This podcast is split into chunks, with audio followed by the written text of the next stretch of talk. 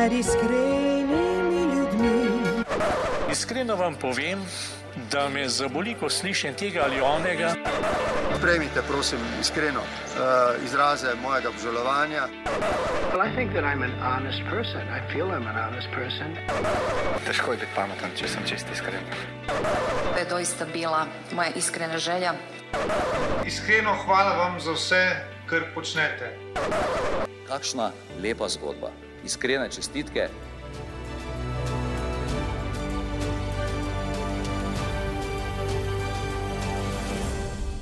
Drage poslušalke in spoštovani poslušalci, prisrčno dobrodošli v novi oddaji najbolj iskrenega podcasta. Podcasta, kjer ne ustvarjamo mnen, ampak skušamo spremeniti kakšno srce. Moje ime je Dušan Poslek in v današnji oddaji gostim Nino Milinkovič Kikel. Uh, Nina je žena, je mama, uh, obenem je tudi zdravnica, specializantka pediatrije in trenutno je razpeta nekako med Domžalami, Šempetrom pri Novi Gorici in Ljubljano. In odkar je pred skoraj enim letom med nas udaril ta zloglasni uh, koronavirus, so zdravniki tisti, ki so med najbolj izpostavljenimi osebami, tako v bitki proti okužbam, kot tudi za primerno oskrbo vseh, ki njihovo pomoč potrebujejo. Zato bova danes z Nino spregovorila predvsem o tem, kako zdravstveni delavci, zdravniki, specializantki, kakorkoli dojemajo te različne vidike celotne korona krize. Nina, dobrodošla in pozdravljena v najbolj iskrenem podkastu. Lep pozdrav tudi vsem poslušalkam in poslušalcem najbolj iskrenega podcasta. Nina, kot sem rekel, trenutno si razpeta med Domžalami, Novo Gorico, oziroma Šempetrom pri Novi Gorici ter Ljubljano. Takole za začetek, kako izgleda tvoj običajen dan, kako se poprijemaš s tem kombiniranjem družinskega življenja, službenih obveznosti in podobno? Ja, moj dan se začne tako, nekako uh, relativno zgodaj, zato ker je treba uskladiti uh, družinske obveznosti, poskrbeti uh, za punce, da prideta pravočasno do vrca, da prideta pravočasno do šole. Um, jaz uh, sem večino časa, uh, trenutno v poteku svoje specializacije, vezana na Ljubljansko pediatrično kliniko. Tako da imam kar srečo, ker um, moj transfer ne traja predolgo in se ne rabim ustajati tako zgodaj kot mogoče moji kolegi iz drugih regij Slovenije, ki se vsakodnevno iz vseh koncev vozijo v Ljubljano. Ampak kljub temu, seveda, zato, da pridem pravočasno v Ljubljano, uh, potrebujem pomoč svojega moža, za kar sem mu uh, izredno hvaležna. Um, naše delo se začenja med 7 in 8 uro na pediatrični kliniki, um, tako da nekako v teh okvirih poskušamo uh, zjutraj urediti vse, kar je potrebno, zato da lahko začnemo dan vsi koliko toliko uh, mirno. Um, moje delo se seveda um, ne zaključi vedno po 8 urah. Um, težko uh, si predstavljate, da bi iz ambulante ali pa iz oddelka koga poslali in rekli, da ja, je konec. Tako da se to delo včasih zavleče um, čez četrto do pete, šeste ure. Zato sem res um, ena izmed tistih srečnic, ki lahko računam na pomoč svojega moža, da potem uredi, da sta punci tudi pravočasno doma.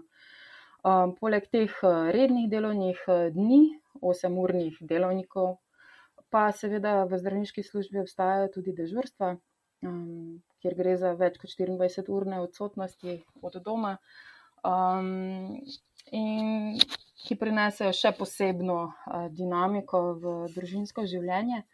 Ampak um, nekako smo se zdaj že uh, navadili na tole skupaj, in še enkrat ponavljam, imam srečo, da imam moža, ki razume to mojo službo, ki sicer res bolj pravim poslanstvo. Um, in poskušamo potem, takrat, ko smo skupaj, res uh, ta čas uh, nadoknaditi in loviti neko ravnotežje. Da bi pa rekla, da je idealno, da ni nikoli stresno, um, pa ne morem. Mislim, da enako kot vsaka mlada družina, uh, imamo tudi mi svoje izzive. Nina, prej si omenila, da službo dojemaš tudi kot poslanstvo, pa mi tako lepo povej, zakaj ravno pediatrija? Ja, um, jaz osebno sem se zelo dolgo odločila tudi, ali ostati v medicini ali ostati uh, v nevladnem prostoru. v vlogi mladinske delovke oziroma trenerke. Mm, ampak je na koncu vseeno ljubezen do medicine, do tega, da greš zvečer z občutkom, um, da si nekomu pomaga tudi spat, pre, prevagalo. Um, kar nekaj časa sem se tudi odločala glede uh, same specialnosti oziroma specializacije. In uh, imela sem srečo, da sem um, srečala ljudi, pediatre, ki so mi bili tako zgled uh, zdravnika. Um, in že iz prejšnjih zgodb, iz mladinskega dela, iz dela znotraj skalske organizacije, mi je vedno bilo všeč biti zagovornik otroka, mladostnika, prispevati k njegovemu razvoju, vzgoji. To me je vedno malo tako privlačilo in v bistvu je to specializacija, kjer je vsako leto nekaj novega, se vse čas razvija. Um, pogosto so dobre zgodbe um, v delu pediatrov, imaš nek dolgoročen odnos, dejansko imaš občutek, da lahko spremljaš otroka, mladostnika, ga gledaš širše. Nikoli ni samo otrok in mladostnik, vedno je tudi uh, družina.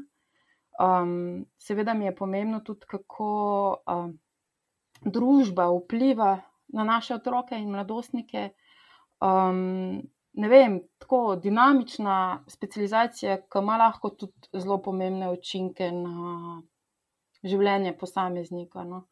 Uh, in v večini primerov, tako kot sem rekla, so zgodbe dobre. Seveda niso vedno, ampak mogoče zaradi tega, ker se srečaš tudi s kakšnimi um, malo manj veselimi, lahko rekla tudi žalostnimi zgodbami, znaš še veliko bolj ceniti. Um, vse ostalo, kar gre tako, kot mora.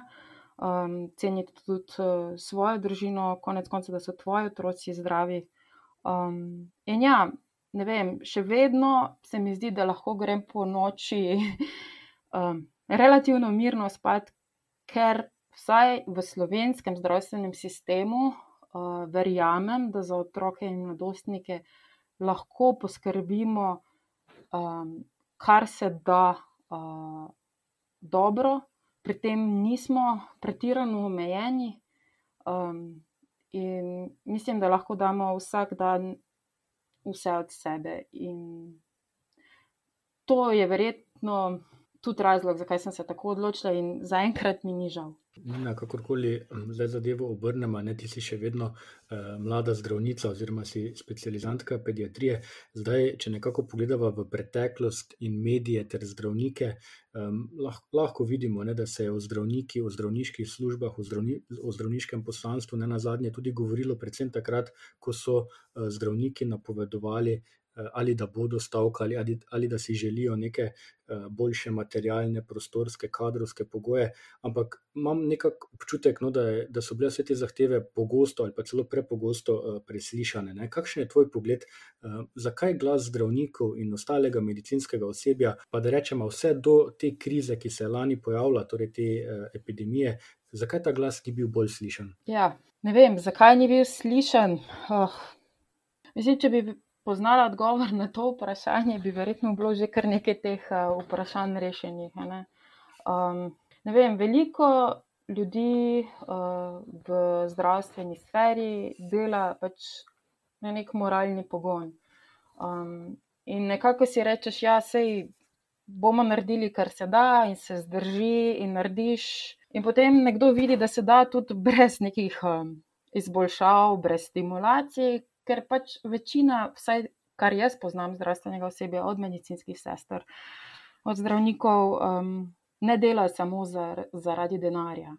Um, da pa so stvari alarmantne oziroma težavne, pa opažamo že nekaj časa. To ni, to ni stvar iz danes na jutri, to je po moje že več kot deset let um, nekega statusa quo.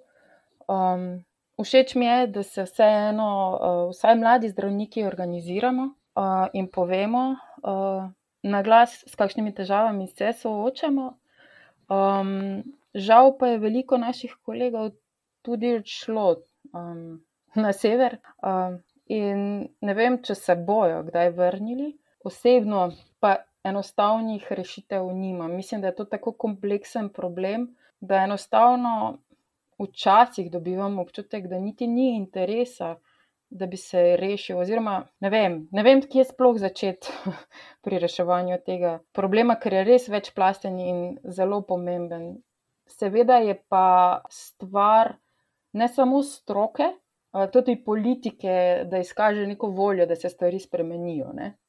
Ker na koncu koncev, vsaj pri nas, je zdravstveni sistem javn je del neke javne mreže, in mislim, da bo treba malo več uh, sodelovati in iskati neke dolgoročne uh, rešitve, ne pa samo flikati. Ampak to mislim, da ni problem samo zdravstvene sfere, ampak še mogoče kakšne sfere v, v javnem sektorju. Rešitve pa trenutno osebno nimam, ker se ve, kot iskreno povem, trenutno bolj ukvarjam z svojimi eksistencialnimi težavami, svojo družino in s tem, da dobim dovolj strokovnega znanja, zato da lahko kompetentno upravljam svojo službo.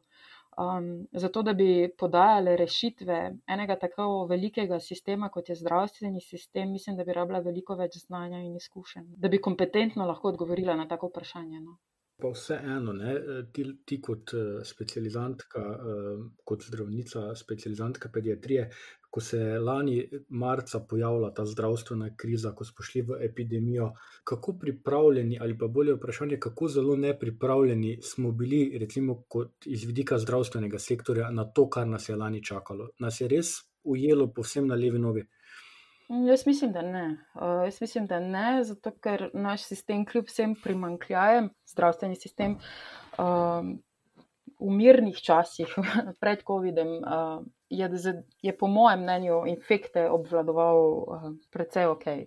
Um, glede na to, da gre za da gre za respiratorni infekt, uh, um, je bila največja težava v tistem trenutku, kako zagotoviti zaščito, da ne bomo. Um, Sami zboleli, da ne bodo naši pacijenti naprej zbolevali. In tukaj jaz mislim, da pač nobena država ni bila pripravljena, in da v bistvu smo v prvem valu, kot ga imenujemo, celotna populacija um, tako z, nekim, um, z neko pripravljenostjo pristopili, in zato verjetno tudi ni bilo. Uh, Z neko resnostjo pristopili k, k sami uh, epidemiji, ki takrat še ni bila niti blizu temu, kar se je potem jeseni zgodilo. Ampak uh, jaz osebno mislim, da smo se v tisti uh, prvi situaciji spomladi 2020, eh, kljub vsemu, dobro odrezali, ker so tudi ljudje zelo upoštevali še te predlagane ukrepe. Um, je pa dejstvo, ki ga moramo priznati vsi, uh, okužba SARS-CoV-2 oziroma bolezen COVID-19 je nekaj novega. Uh, mislim, da to stroka tudi vse čas izdatno ponavlja da smo se sproti učili, kako se uh, preprečuje okužbo, um, da smo se sproti učili, kako obvladovati uh, akutne okužbe, konec koncev tudi zaplete po samih okužbah. In da se je v bistvu cel svet skupaj soočal z neko novo stvarjo, in bi težko bili bolj pripravljeni. Vem, razen če bi nam zvezde napovedali, da bo pa pač leto 2020 tisto. Mislim, da še na, let, na začetku februarja 2020 nišče ni predvideval, da bo šlo v takšne razsežnosti. Vedeli smo, da se nekaj dogaja na Kitajskem in kmalo zatem tudi v Italiji, ampak se je zdela stvar precej oddaljena. No? Ne vem, pač neke stvari se v življenju morajo odviti, da se kaj naučimo, in težko bi bili popolnoma pripravljeni na to situacijo. Vse tako je moje osebno mnenje. No. Kako si se pa, recimo, ti osebno spopadla z tistimi prvimi tedni, meseci, ko smo pa tudi v Sloveniji vstopili v samo epidemijo? Predvsem me zanima tvoj, to tvoje dojemanje no, začetka te krize, ko praktično nihče, kot je tudi sama rekla, ni vedel o virusu, nič negotovosti je bila izjemno velika, ti si pa seveda eh, na eni strani morala. Eh, oziroma, si upravljala uh, svoje delo, kot specializantka pediatrije, po drugi strani se pa seveda vračala tudi domov k družini in praktično tudi nihče od nas, tudi mi starši, nismo vedeli, kaj sploh razložiti, kako povedati otrokom, kaj se dogaja. Kako si se ti eh, podala v to zgodbo? Uh. Jaz sem v bistvu kmalo potem, ko je bila razglašena epidemija v prvem valu, bila tudi poklicana v svojo matično ustanovo, v splošno bolnišnico Šempeter, um, kjer um, smo se že takoj uh, pripravili in začeli uh, delati v skladu z smernicami preprečevanja te respiratorne okužbe, um, tako da sem um, znotraj otroškega oddelka pomagala, kolikor se je le dalo, predvsem razbremeniti tudi starejše sodelavce, um, ker sem vseeno mlajša zdravnica in tudi, če bi prišlo do okužbe, bi verjetno to lažje uh, prebolela. Bilo je kar nekaj tesnobe, predvsem zato, ker sem bila pač. Uh, Za dva meseca v nekem okolju, kjer pač, tako kot si rekel, ne, simptomi eh, in znaki okužbe za SARS-CoV-2 so taki, da v bistvu praktično vsak otrok, ki pride čez vrata v urgentno pediatrično ambulanto, ima nekaj od tega. Ne. Največ veš, vročina, respiratorni simptomi in znaki, ne vem, potem prebavni simptomi in znaki glavobola. Ne. Zaradi takih stvari prihajajo otroci največ k nam, in torej to pomeni, da je praktično vsak izmed njih bil potencialno okužen. In ja, seveda si v stresu, ker ne veš, ali bo dovolj opreme, ali si se ustrezno oblekel, ali si se ustrezno potem tudi slekel po pregledu. To so take čist drobne stvari, ki temeljno navdajajo z nekim strahom. A si vse naredil tako, kot je treba. In potem, um, seveda, ko prideš domov, uh, izvida brisa uh, za otroke, ki si jih pregledal, mogoče še nisi imel um, nisi vedel, a boš ti sam zbolel, prenesel na svoje otroke, mogoče še na svoje starše. In to je prinašalo eno tesnobo, predvsem pa je tesnoba tam, kjer veš, da. Uh, Boš, ne vem, po pregledu neke osebe, ki je potencialno okužena, šel pogledati še kakšnega pacijenta, ki pa res ne sme zboleti. Ne? Um, pediatri v perifernih bolnicah skrbimo tudi za novorojenčke. Občutek, ko si prej pregledoval otroke, ki so lahko potencialno pozitivni, ne? in potem, ko greš v porodnišnico pogledati tiste naše najbolj ranljive, najbolj drobne, ki so šele začeli živeti, ne? Ni ravno prijeten. No? In moja glavna skrb je bila. Uh, tudi sedaj je, da v bistvu ne ogrožam svojih pacijentov, njihovih staršev, eh, predvsem tistih, ki zaradi narave svojih eh, bolezni ali pa zaradi nekega imunosupresivnega zdravljenja, imunskih pomankljajev, razvojnih motenj, ne smejo biti. Eh, ne smejo zboleti, po domače povedano, oziroma ne smejo biti cepljeni, ne morejo biti cepljeni, ne?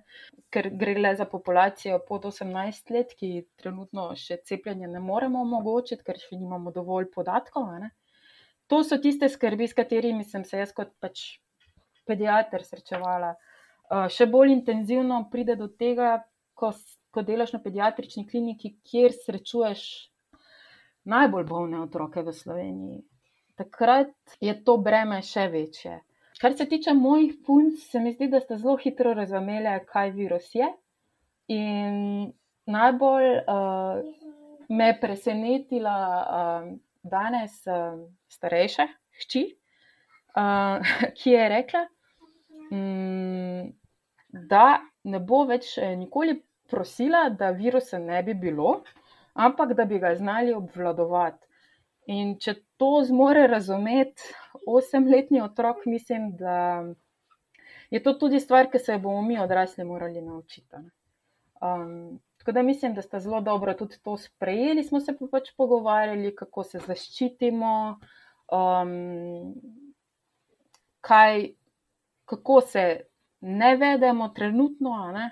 Kako uh, pomagamo tudi, da drugi ne zbolijo. Morali ste razumeti, zakaj se ne srečujete toliko z starimi starši.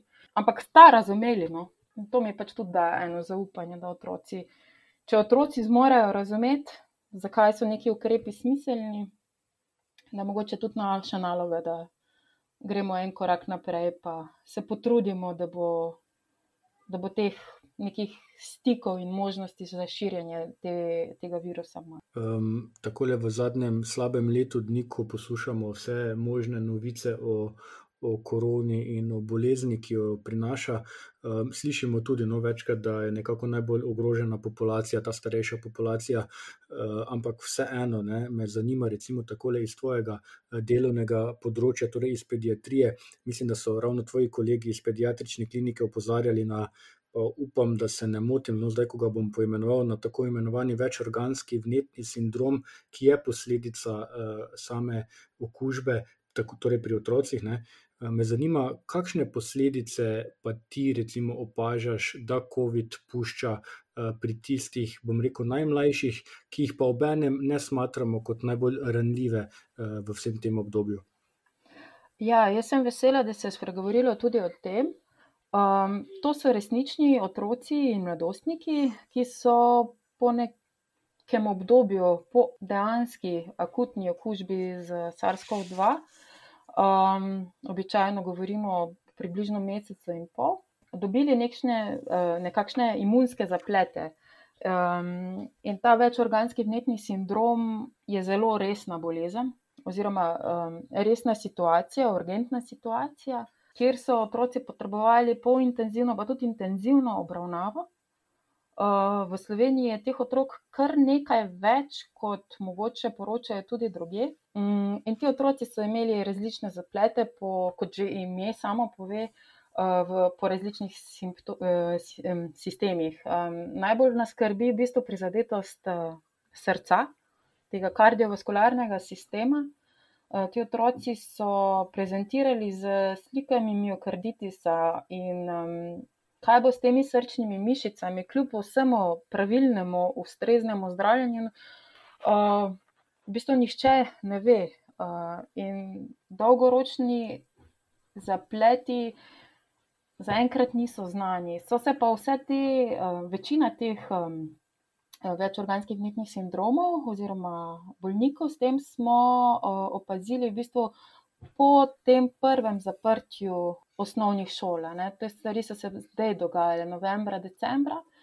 Tako da jaz osebno nisem tako um, prepričana, ko govorijo ljudje, da otroci bodo zlahka preboleli to okužbo. Res je, da so imeli blage akutne okužbe, um, tiste prve ob stiku z virusom kaj se bo pa kasneje izkazalo in kako široko bodo šle te klinične slike, pa v resnici noben še ne ve natančno. Kar se mi zdi pomembno podariti pri teh otrocih je to, da gre v večini za popolnoma zdrave otroke, ki predhodno niso imeli nekih znanih. Uh, faktorjev za težji potek oziroma za neke imunske zaplete. Vse zaenkrat ne vemo, kaj je tisto, kar sproži pri nekem otroku ta uh, večorganski vnetni sindrom. Uh, se pa to seveda raziskuje na svetovni ravni, tudi pri nas uh, se strokovnjaki s tem ukvarjajo in začenjajo raziskovati. Um, tako da pavšalno čez prst reči, vse za otroke, pa ni panike.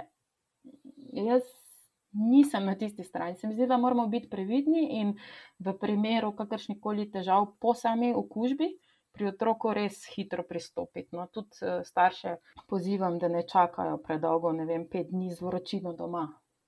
Iz nekega strahu, da ne bodo pravočasno obravnavani, ampak v primeru, da se jim zdi, da se z otrokom nekaj dogaja, da pridejo pravočasno do pediatra. Nina, ti se praktično vsakodnevno eh, vračaš eh, v okolje, kjer je določena nevarnost eh, okužbe, potem se vračaš k družini, k otrokom, k možu, domov, ehm, vse skozi si v posrednem ali pa v neposrednem stiku z bolniki. Povej mi, ko se tako le, recimo, bodi si po dežurstvu ali po redni službi, vračaš domov, uspeš recimo to službo pustiti za sabo, uspeš izklopiti ali jo vendarle prineseš domov? Hm, ne vem, to se verjetno učiš uh, celo življenje. Jaz sem daleč od tega, da bi bila uh, preizkušen uh, zdravnik, ki bi se znal lotevati z vsemi križi in težavami, ki pridejo za tem poklicem. Mi je pa moj glavni mentor um, iz Šempetra zelo dobro rekel, ne, da po dežurstvu, ko se sedemo v avto, hkrati, ko zaprem vrata, naj poskusim pustiti um, tudi stvari in skrbi za sabo. se mi zdi tudi en tak vreden svet. To trenirati bo pa verjetno še nekaj časa potrebno. No? Um, nisem tam daleč od tega. Um, veliko krat se sekiram, ali sem naredila vse, kar bi lahko, ali bi lahko še kaj drugega, ali je bilo čisto vse ok, preverim, ali sem šla po smernicah. Tako, se mi zdi to pač tudi en del tega učnega procesa, zorenja v tem poklicu, ker to je le pač poklic, kjer se učimo celo življenje in daleč od tega, da bi vedel vse vse čas. In vsak čas, vsak trenutek tvoje službe lahko čez vrata pride nekaj, kar še nisi nikoli videl. Um, in takrat je treba in je prav, da takrat um, si vzameš čas za re refleksijo, premislek.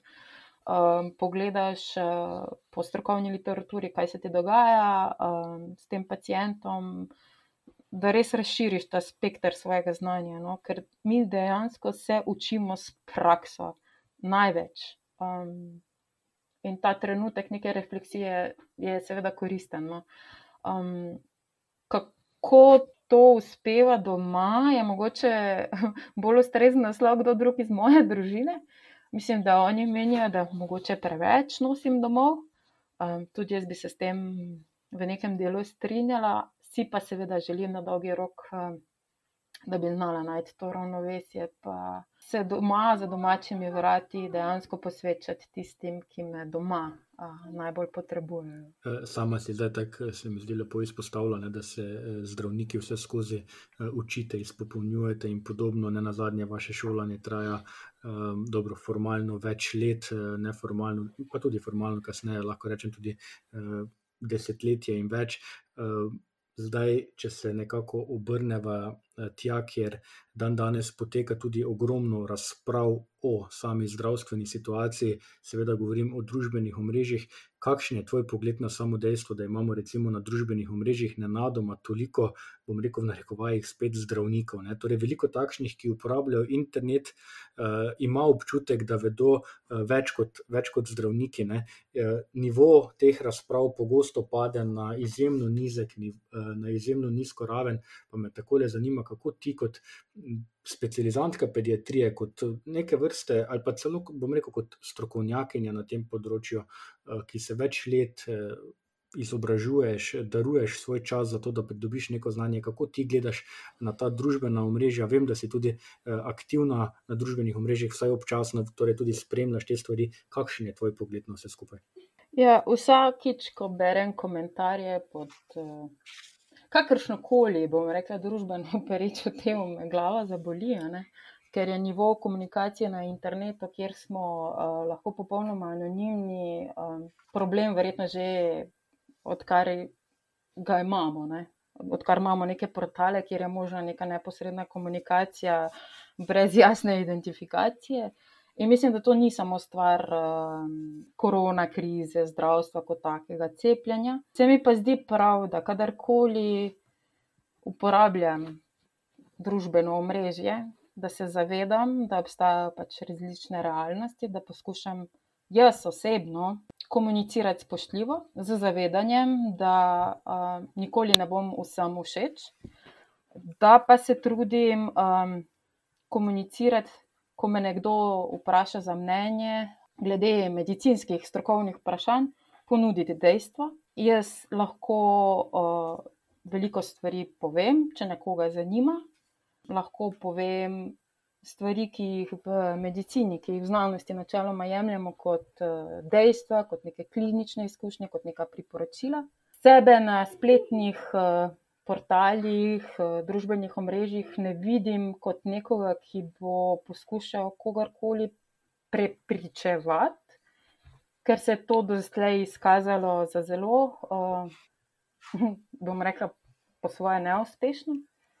Um, mislim, da je moja naloga dati informacije. Uh, če govorimo o teh medicinskih, strokovnih vprašanjih, pomagati ljudem, da se opolnomočijo, eh, tudi za pogovor z eh, svojim zdravnikom, če je to potrebno, da se sami odločajo o tem, kaj bodo počeli z svojim zdravjem, pa karkoli bo to. Ne? Ali gre za življenjski slog, ali gre za konkretno bolezen in konkretno zdravljenje, ali gre za cepljenje. Ja, jaz osebno izberem to spoštljivo držo, um, poskušam biti bolj na pozitivni strani kot uh, negativni, v smislu, da gledam v prihodnost z nekim zaupanjem, upanjem. Um, ker nekih teh slabih, dramatičnih, katastrofičnih zgodb uh, imam iskreno povedano uh, tako dovolj, ker jih je dejansko več um, kot dobrih. No. Je pa tako, no, da se mi zdi, da je pomembno tudi povdariti, da ko ljudje nonšalantno ali pa tako čez prst komentirajo neke stvari, um, da se mi zdi, da če se neka stvar njih osebno ne tiče, oziroma da nimajo izkušnje, da pa bi mogoče bilo pošteno, da tega ne komentiramo. Ne? Iz dovolj velike razdalje se zdi ta muha in slon enako velika, ampak ko se tebi neka stvar osebno dogaja, um, jo vidiš drugače. In veliko ljudi je prizadetih ob takem načinu komunikacije, in to se mi ne zdi ok, no? da pač pošaljno ocenjujemo um, lansiramo neke teorije, zarote včasih, um, ali pa tudi mnenja, tudi strokovna mnenja na nek agresiven način. No. Nekako tako. No. Se strinjam s tabo, ne, ker uh, lahko opažamo tudi ob tej, mislim, kakorkoli obrnemo, zdaj ta COVID uh, kriza nam je vsem skupaj omogočila tudi malo drugačne poglede uh, na nekatere stvari. In če kaj opažam na družbenih omrežjih, je to, da se pojavlja tudi veliko zdravnikov, no, ki se izpostavljajo na takšen in drugačen način, ki se vključujejo v razprave, ki skušajo odgovoriti na dileme, tudi na provokacije ne, in se na, na ta način izpostavijo na družbenih omrežjih. Um, pa se ti zdi, no, da je takšno izpostavljanje na nek način Eh, smiselno. Ne? Pa ne mislim zato, eh, da ne bi smel zdravnik povedati svojega mnenja, daleč od tega, ne? ampak se mi zdi občutek, no, da se prepogosto eh, v te razprave zapletejo z ljudmi, ki so tako ali tako prepričani v svoj prav in nekako ne pridejo dlje kot do tega, da na koncu ostaneta vsak na svojem bregu. Ne? Ali lahko recimo zdravnik na družbenem omrežju prepriča. Tistega, ki mogoče ne deli njegovega mnenja, da pa mogoče pa vendarle nima prav. Se pravi, meni to prepričevanje preko spleta osebno ne deluje kot nek učinkovit uh, način. Je pa res, da popolnoma prepričanih v katero koli stvar, če govorimo zdaj, da si za neko stvar pro oziroma kontra, ne, če govorimo o teh skrajnih robovih. Uh, tukaj imamo zelo malo možnosti, verjetno tudi v navadni komunikaciji, ne samo preko spleta, da bomo nekaj dosegli z nekim golim prepričevanjem, mislim, z nekim nasilnim, agresivnim prepričevanjem. Pomembno je, da ljudi, ki so nekje vmes, ki si želijo dobiti pravilne oziroma pravilne informacije s strani strokovnjaka, to tudi omogočimo. Zato jaz pač takrat, če me nekdo res vpraša, izzove, poskušam odgovoriti, seveda, Um, ampak z neko ponižnostjo, z neko skromnostjo, da pač čisto vsega, sploh kar se COVID-a tiče, ne, um, še ne vemo. In um, da pa se zavedamo, uh, da neke stvari pa že vemo. Um, in tisto poskušamo komunicirati, predvsem tistim, ki so nekje vmes, ki, ki se odločajo vem, o cepljenju, ali so za ali so proti. Um, ti ljudje pa tudi morajo priti do nekih uh, preverjenih virov informacij. Um, in mislim, da jih na spletu, če jih le želiš najti, seveda lahko najdeš. No?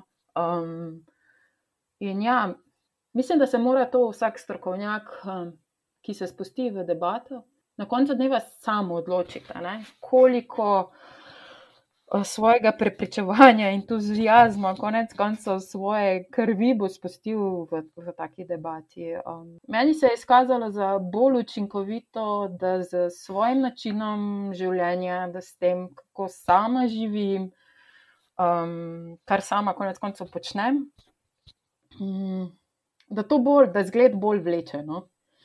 Um, to, v to, da zgledi vlečejo, da, da način mojega življenja lahko, ne vem, mogoče nekoga navdihne ali pa prevaga, ali pa moj odgovor na kakšno vprašanje, ki je res neko konkretno, um, ne pa nekaj vse splošnega. Ne?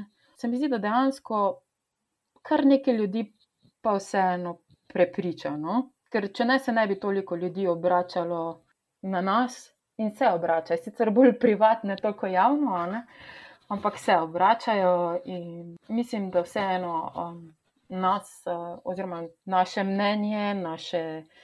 Um, naše odgovore tudi na nek način upoštevajo. Zdaj, kako se kdo odloča, je pa seveda njegova stvar.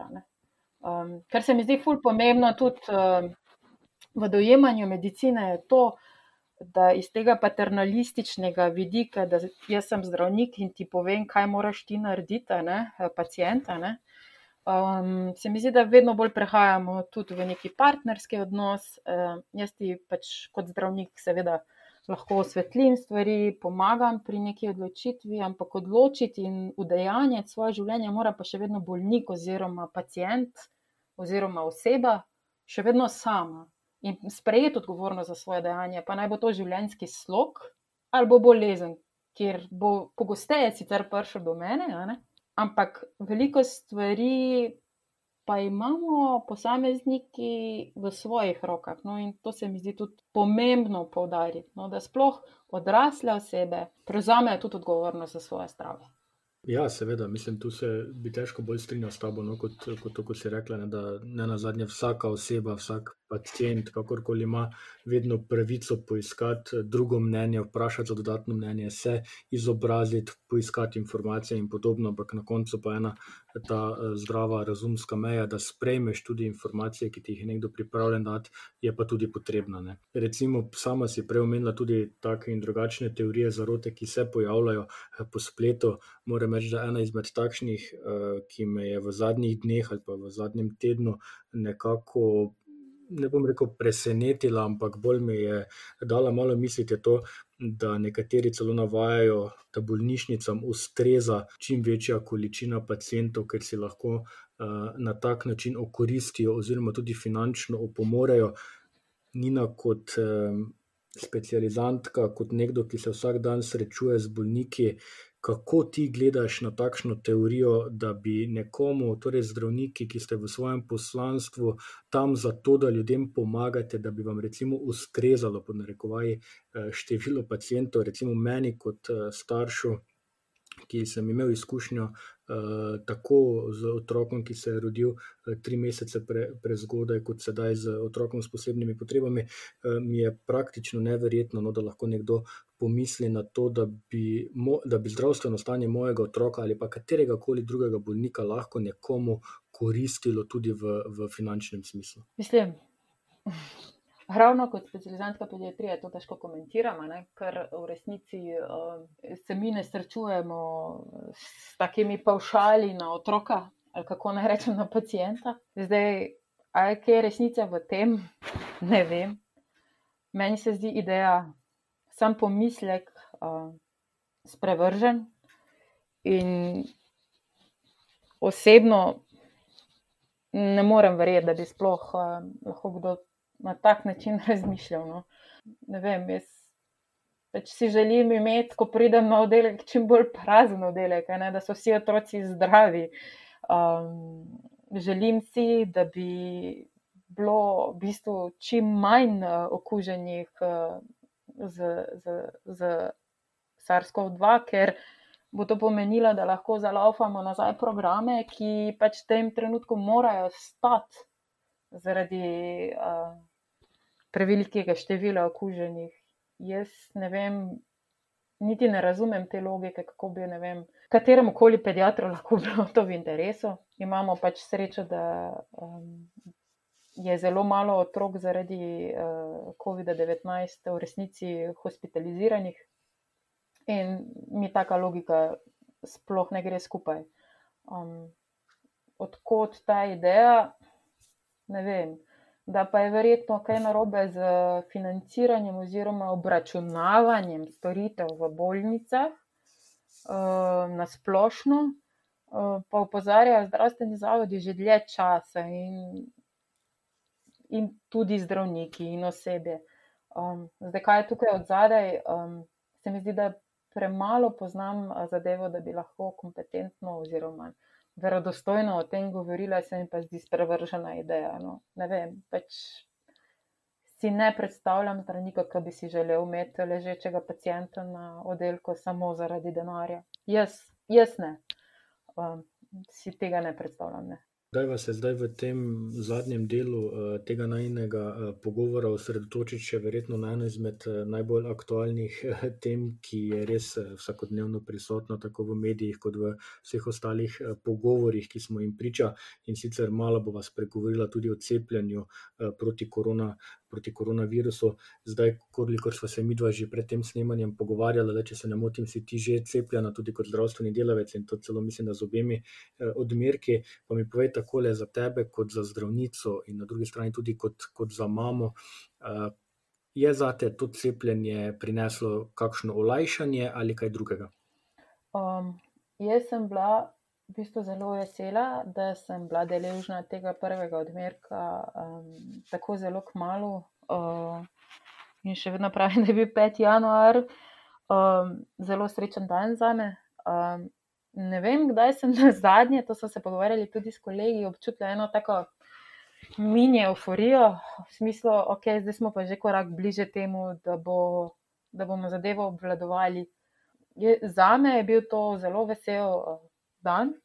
Prav ta teden um, sem prejela tudi drugi odmerek, in po drugem odmerku je pri uh, meni prišlo do blažje um, reakcije s prehodno vročino in mialgijo, ampak nič takega, kar ne bi mogla preživeti. Se mi zdi pošteno, da tudi to povem. Po prvem odmerku je bilo vse popolnoma bebe, kot da se ne bi nič zgodilo. Um, ampak sem bila tudi tega vesela, ker pač razumem dovolj svoj imunski sistem, da vem, da sem ga s tem, po domače povedano, boostala in da bom imela verjetno proti telesu za vsaj nekaj časa in se bom bolj mirno srečevala tudi um, z svojimi pacijenti. Kot rečeno, imam stik tudi s pozitivnimi pacijenti v svoji službi. Um, sicer še ni znano, ali bo to uh, cepivo cepila sem se z mRNA cepivom, dejansko prispevala tudi k temu, eh, da ne bomo prenašalci. Um, se pa po neki logiki ponuja ta ideja, da verjetno tudi ne bomo, ne? da ne samo, da bomo zmanjšali možnosti za zboleti sami pri sebi, ampak da bomo mogoče tudi prispevali k neki um, čredni imunosti. Um, tako da za mene to v resnici je bila srečna situacija um, in sem tega iskreno vesela. Um, želela bi si, da bi bili mogoče še bolje pripravljeni na to, da bi bilo cepiva dovolj za vse tiste, ki si ga želijo prejeti čim prej. Um, se pravi, tisti, ki so prepričani, da se pač ne bodo cepili, spoštujem njihovo odločitev. Uh, vem, da nekaj o cepivu že vemo, um, vsaj te stranske učinke um, po nekih dveh, treh mesecih trenutno že poznamo, raziskave grejo naprej. Vemo pa tudi, kako smrtonosne so lahko posledice same okužbe. In tukaj je pač vprašanje posameznika, kako se bo odločil, kot rečeno, kot sem že prej rekla, moja naloga je, da um, ponudim informacije, zato da je posameznik opolnomočen, da se sam odloča, da sam pretehta. Um, in um, seveda je treba stvari še naprej spremljati, tako kot se v znanosti to uh, počne. Um, in upam, da bo dejansko cepivo omogočilo neke mirne dneve v prihodnosti. No. Vem, da smo prej že govorili, ne tako v spletu kot v družbenih omrežjih. Zdaj, če začnemo debato o vseh teh teorijah, ki se okoli cepiva pojavljajo na internetu, mislim, da nimamo dovolj, nimamo dovolj še ene. Eh, takšne ali podobne oddaje. Um, ne na zadnje, nekateri tam pravijo, da smo poskusni zajčki, da je cepivo prehitro razvito, da gre samo za interes farmacevtske industrije in tako naprej. Um, jaz samo menim, da z pomisleki v življenju, ne glede na to, ali se pogovarjamo o cepivu ali o čemerkoli drugem, nikoli nič ni narobe s samim pomislekom. Prav je, da se ljudje sprašujemo, prav je, da smo radovedni, da želimo imeti informacije, ampak kot smo že prej dejali, na koncu pa morajo biti ti pomisleki nekako uh, tudi, oziroma tire, um, ta pojasnila morajo biti nekako sprejeta v tej dobri veri, da želimo iti naprej, da želimo uh, boljši jutri, tako za nas, kot za, za tiste, ki, ki prihajajo uh, za nami. Ne. Se mi zdi, no, da, da vseeno ena tako zdrava mera pri, pri sprejemanju pojasnil strokovnjakov, pa vendarle mora obstajati, ne glede na količino dezinformacij, lažnih informacij, zavajanj, ki jih lahko najdemo vse posodne. Um, se strinjam, po drugi strani um, pa menim, da bomo tudi v komunikaciji bolj učinkoviti, da, da vsej strokovnjaki res povemo, da se trudimo po svojih najboljših močeh. Um, da je to trenutno najboljše, kar lahko ponudimo, se razvija se ogromno stvari v tem času, um, da smo pri tem tudi uh, spoštljivi, skromni in ponižni, da se zavedamo, da pa čisto vsega še ne vemo. Um, da pa seveda tisto, kar pa vemo, je to, da je toliko in toliko žrtev že bilo, da vemo, da okužba. Um, Ni nujno vedno enostavna, da lahko povzroča tudi neke pozne zaplete. In vsaj jaz osebno sem tak tip človeka, da mi je žal vsake žrtve, vsakega zapleta, ki bi ga lahko preprečili. In seveda spoštujem pa tudi pravico, da so ljudje skeptični, vendar eh, bi si želela, da bi ljudje, ko komuniciramo, ponujali tudi neka dejstva. Ne? Um, tako kot si ti rekel, ne, ne zdaj nekih svojih prepričanj ki so verjetno neke interpretacije uh, nečesa uh, ponujati kot, kot neko zlato. Ne? Če sem jaz možna reči, da ne vem čisto vsega, uh, bi bilo mogoče tudi na drugi strani, vsaj pri tistih, ki govorijo o res groznih nekih. Teorije zarot in um, so praktično že na meji znanstvene fantastike. No? Um, da bi se zavedali, da vsaka beseda, ki jo dam v eter, na svoj Facebook, na Instagram, na spletne strani, po vseh komunikacijskih kanalih, nekam pristane, vsaka beseda in ima težo in lahko povzroči posledice tako v pozitivni smeri, kot v negativni smeri. In mogoče potem ne bi tako lahkotno komunicirali čisto vsega. Jaz priznam, da se zelo veliko krat tudi ugriznem v jezik, ker v resnici, tudi če sem jezna, tudi če sem zafrustrirana, je včasih bolje premisliti, kaj in kako odgovoriti in na kakšen način se odzvati, da ne dosežeš kvečemu nasprotnega učinka. Po drugi strani pa, tako kot sem že rekla, mislim, da lahko z svojim dejanjem, s tem, ko pač sem zdravnica in se cepim, povem svoje mnenje, lahko me vprašaš, zakaj sem se odločila za to, kakšni so bili plusi, minusi uh, pri tem tehtanju, ali ja ali ne. Um, če želiš, se lahko pogovarjamo o tem. Um, in sem tukaj, pripravljena. No, na nek tak način bi si želela komunikacije tudi v prihodnje. No. Ker se mi zdi, da bi bila veliko bolj produktivna. No. Bom rekel tako, nažalost, uh, veliko ljudi po mojem skromnem mnenju, ni, ni pripravljenih na takšno, uh, rekel, argumentacijo ali pa sprejemanje uh, takšnih uh, mnen. Ok, kakorkoli uh, obrnemo zadevo, mi dva smo ta pogovor počasi pripeljala do konca, pa vseeno takole za konec. Recimo, čisto neuradno, ni treba iz tvojega zdravniškega vidika, ampak tako le bom rekel splošno, kakšno leto 2021 je pred nami, kaj pričakuješ v tem letu?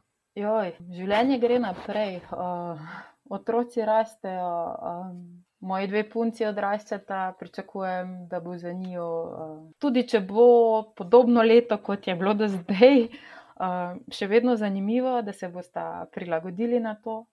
Pričakujem, da bo moja družina uh, mogoče še bolj povezana zaradi tega. Osebno imam tudi velik izziv pred sabo, junija me čaka specialistični izpit. Tako da pravim, življenje gre naprej. Želim si pa seveda, da bi družba, človeštvo našlo neko novo ravnovesje in da, tako kot je rekla moja starejša hči danes, začnemo obvladovati to situacijo in bomo da bomo vzeli to situacijo vsak v svoje roke in um, živeli tiste svoje sanje, ki si jih želi vsak uh, konec konca zase. Um, predvsem to je, ja, da tudi če je situacija grozna, ni prvič v človeški zgodovini, da je grozna, da je težka, da je naporna, da nas navdaja s frustracijami, ampak verjamem tudi v človeka, v, v to človečnost in človeštvo, da bomo znali tudi to situacijo uh, obrniti na način, da bomo še zmeraj lahko um, živeli. Zagotovo bo drugače, ker ni človeka, ki ga ta situacija verjetno ne bi vsaj malo pretresla iz temeljev, ampak ne pomeni, da bo nujno slabše. Eh, Nina, mislim, da so to uh, ene lepe misli, tako misli uh, tvoje hčerke o obvladovanju situacije, kot tudi te tvoje zadnje misli. En tak lep zaključek tega najnega današnjega uh, pogovora. Evo pa dovolj, da se ti na koncu res iskreno zahvalim za podelitev sveh, vseh tvojih mnen, ki, so, ki si nam jih danes uh, zaupala in obenem ti želim res uh, obilo Vse ne vem, če je prav, no, da ti zaželim srečo na specialističnem izpitu, vsekakor ti želim eno mirno obdobje, eno mirno obdobje priprave na en uspešno, da zadevo eh, zaključiš. Eh, vsem vam, eh, drage poslušalke, spoštovani poslušalci, ki ste spremljali ta podcast, pa vas tudi ob enem povabim, da prisluhnete tudi vsem našim eh, starejšim oddajam, ki jih najdete v vseh vaših knjižnicah za podkaste, oziroma če želite tega poslušati še enkrat, ga prav tako lahko tam poiščete. Če imate, če imate kakšen predlog za izboljšave, za kakšno temo našega podcasta, lahko pošljete svoje ideje na elektronski naslov dusanafna.iskreni.net in z veseljem vam bomo ustregli. Tako da, evo, Nina, še enkrat iskrena, iskrena hvala za današnji pogovor. Ni zakaj srečno in predvsem zdravo 2021. Tako, hvala lepa in nasvidenje oziroma na poslušanje do naslednjega podcasta.